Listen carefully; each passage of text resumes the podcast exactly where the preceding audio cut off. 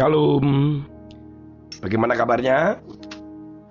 Baik, kita akan masuk ke masih dalam rangkaian seri khotbah di dalam Paskah. Kali ini kita masuk di dalam Yohanes pasal yang ke-19. Betul. Yohanes pasal yang ke-19 ayat 38 dan 39. Perikopnya berjudul Yesus dikuburkan. Sesudah itu Yusuf dari Arimatea, ia murid Yesus, tetapi sembunyi-sembunyi karena takut kepada orang-orang Yahudi, meminta kepada Pilatus supaya ia diperbolehkan menurunkan mayat Yesus. Dan Pilatus meluluskan permintaannya itu. Lalu datanglah ia dan menurunkan mayat itu. Juga Nikodemus datang ke situ. Dialah yang mula-mula datang waktu malam kepada Yesus.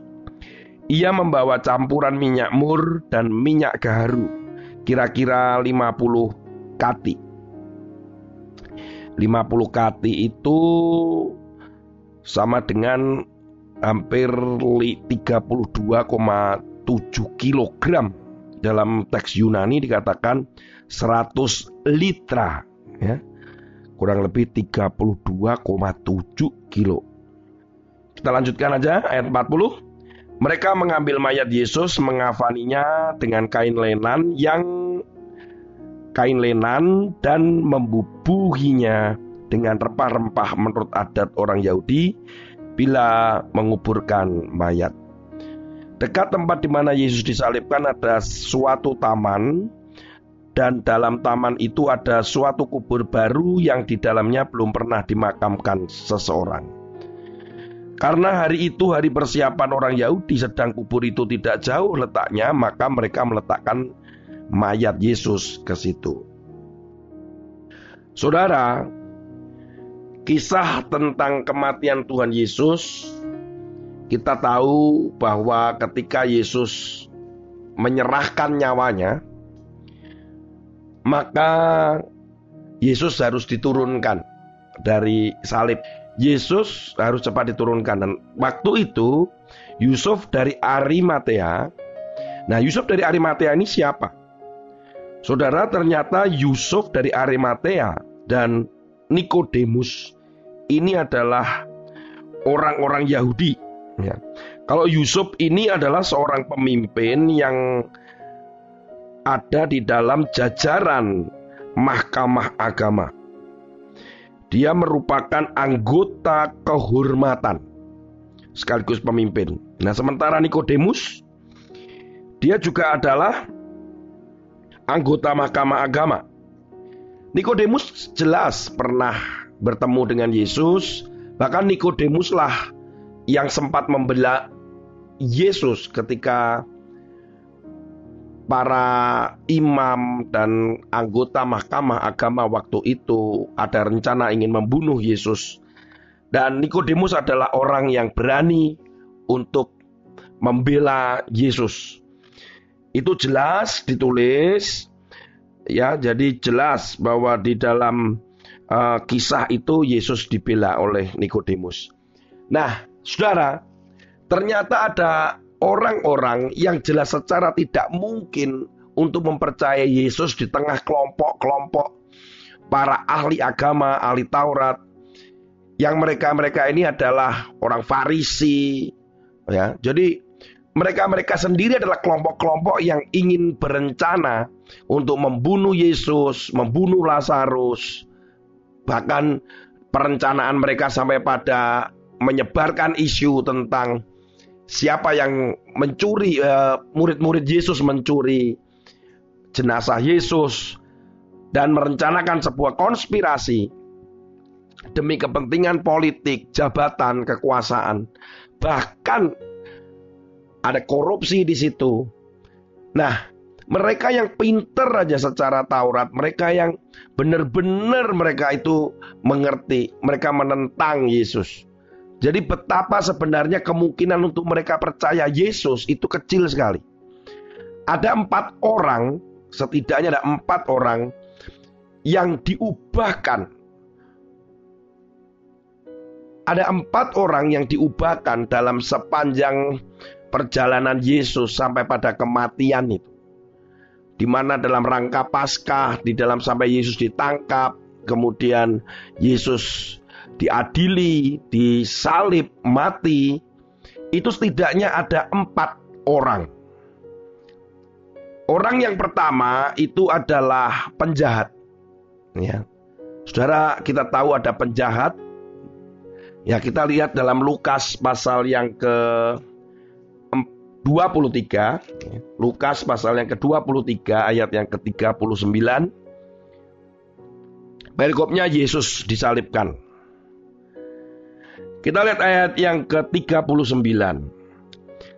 Seorang dari penjahat yang digantung itu menghujat dia katanya, Bukankah engkau adalah Kristus? Selamatkanlah dirimu dan kami. Tetapi yang seorang menegur dia katanya, Tidakkah engkau takut juga tidak kepada Allah sehingga engkau menerima hukuman yang sama? Kita memang selayaknya dihukum sebab kita menerima balasan yang setimpal dengan perbuatan kita. Tetapi orang ini berbuat sesuatu yang salah. Maaf. Tetapi orang ini tidak berbuat sesuatu yang salah. Lalu berkatalah Yesus. Lalu ia berkata, Yesus, ingatlah akan aku apabila engkau datang sebagai raja. Kata Yesus kepadanya, Aku berkata kepadamu sesungguhnya hari ini juga engkau akan bersama-sama dengan aku di dalam Firdaus. Perhatikan baik bahwa orang yang pertama ini adalah orang yang dia mungkin tidak pernah tahu Yesus, mungkin cuma pernah dengar tentang Yesus, tapi dia tetap melakukan perbuatan dosa.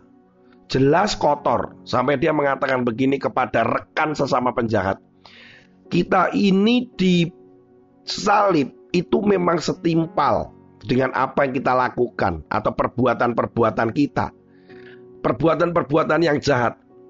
Saudara, kalau sampai seseorang itu disalib, itu setidaknya dosanya itu atau perbuatannya itu setidaknya membunuh itu mungkin. Kenapa? Karena mata ganti mata, nyawa ganti nyawa, itu terjadi.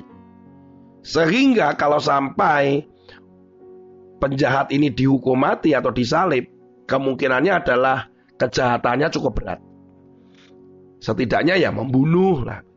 Lihat, ada satu orang yang di dalam kehidupannya sangat berdosa, sangat mungkin dibuang oleh masyarakat, dianggap itu sampah masyarakat, dianggap sebagai orang yang uh, merugikan gitu. Tetapi bagi Yesus pada detik-detik terakhir pada waktunya dia tidak ada yang tidak mungkin untuk diselamatkan atau diubahkan.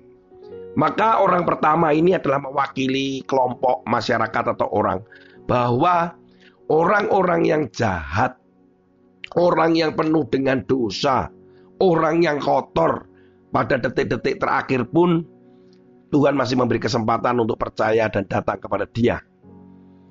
Orang yang kedua adalah Markus pasal yang ke-15 ayat 39.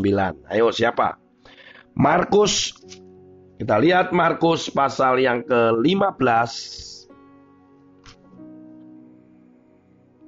Kita mulai ayat 38. Ketika itu tabir bait suci terbelah dua dari atas sampai ke bawah.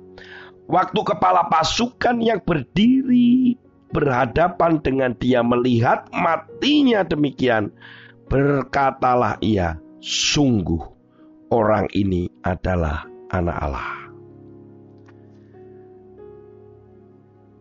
Seorang pasukan, seorang kepala pasukan Roma ini orang yang punya punya punya kedudukan nggak main-main. bahwa orang Romawi yang memiliki kedudukan, orang yang bukan Yahudi, orang yang punya jabatan, orang yang di luar orang pilihan saja, Tuhan membawa mereka, membawa kepala pasukan Romawi ini untuk percaya kepada dia. Sehingga perkataan ini tidak main-main. Dia berkata bahwa sungguh orang ini adalah anak Allah. Bayangkan, ini sangat luar biasa. Sampai dikatakan bahwa ini kan gak mungkin. Di mana orang yang di luar orang Kristen, di luar kita sebagai orang percaya ini mungkin gak ya orang yang di luar sana, orang yang beragama yang tidak yang berkeyakinan lain, mereka datang kepada Yesus dan percaya kepada Yesus? Oh, sangat mungkin. Kepala pasukan Romawi saja yang mereka bukan orang pilihan bisa datang kepada Yesus dan bahkan mengakui Yesus adalah anak Allah. Lihat, dua orang sudah. Orang kedua mewakili kelompok orang-orang yang bukan orang pilihan. Orang yang punya jabatan, punya kekuasaan. Orang kelompok yang ketiga dan keempat sebenarnya menjadi satu. Yaitu Yusuf dari Arimatea yang tadi kita baca dan Nikodemus. Siapa mereka? Mereka orang-orang yang mengerti tentang Taurat, orang-orang yang juga punya kekuasaan. Mereka orang Yahudi. Mereka yang taat akan adat istiadat, mereka yang mengerti betul tentang Taurat, mempelajari, mereka menjadi panutan. Yang mana mereka juga menolak Mesias karena Yesus dianggap penghina Allah. Yusuf dan Nikodemus percaya kepada Yesus. Setelah mereka menyelidiki orang-orang orang-orang teologi, orang-orang yang ingin menyelidiki tentang firman terus dan tiba-tiba menemukan kebenaran. Suatu hari saya ketemu dengan seorang yang berkeyakinan lain. Kemudian dia datang ke kantor. Kemudian orangnya masih cukup muda. Baru saja waktu itu dibaptis kurang lebih enam bulan dari pertemuan saya itu. Dan ada satu pertanyaan saya. Apa yang membuat kamu percaya kepada Yesus? Dan kesaksian yang singkat membawa saya mengerti bahwa semakin dia mencari kebenaran, dan ternyata dia menemukan kebenaran itu. Dia berkata bahwa saya menyelidiki, saya mulai mencari, saya mulai penasaran. Dan pada satu titik pada waktunya Tuhan, dia menemukan kebenaran, yaitu di dalam Yesus. Saudara, kalau saudara punya teman, sahabat, orang tua, siapa pun, kemudian saudara berpikir bahwa nggak mungkin ini percaya Yesus nggak mungkin. Ingat, Yesus bisa memberikan kesempatan di waktu-waktu yang terakhir. Sebelum Yesus mati, sesudah Yesus mati. Lihat orang Romawi itu ketika Yesus mati. Yusuf dan Nikodemus, dia semakin yakin, diteguhkan dalam sepanjang perjalanan Yesus sampai pada kematiannya. Tidak ada yang kata terlambat selama kita masih bernafas, ada orang-orang di sekitar kita yang masih memerlukan Yesus dan mencari kebenaran. Dan saat itulah kita menjadi bagian untuk mengenalkan mereka kepada Yesus dan membawa mereka kepada Yesus. Renungkan siapa di antara sahabat, saudara, orang tua, rekan, partner kerja, siapa pun, kakak, adik, keponakan, paman, guru, dosen, tempat di mana engkau sekolah, studi, engkau bekerja, tidak ada yang tidak mungkin. Empat orang percaya, empat orang diubahkan, menjelang kematian bahkan saat kematiannya Yesus.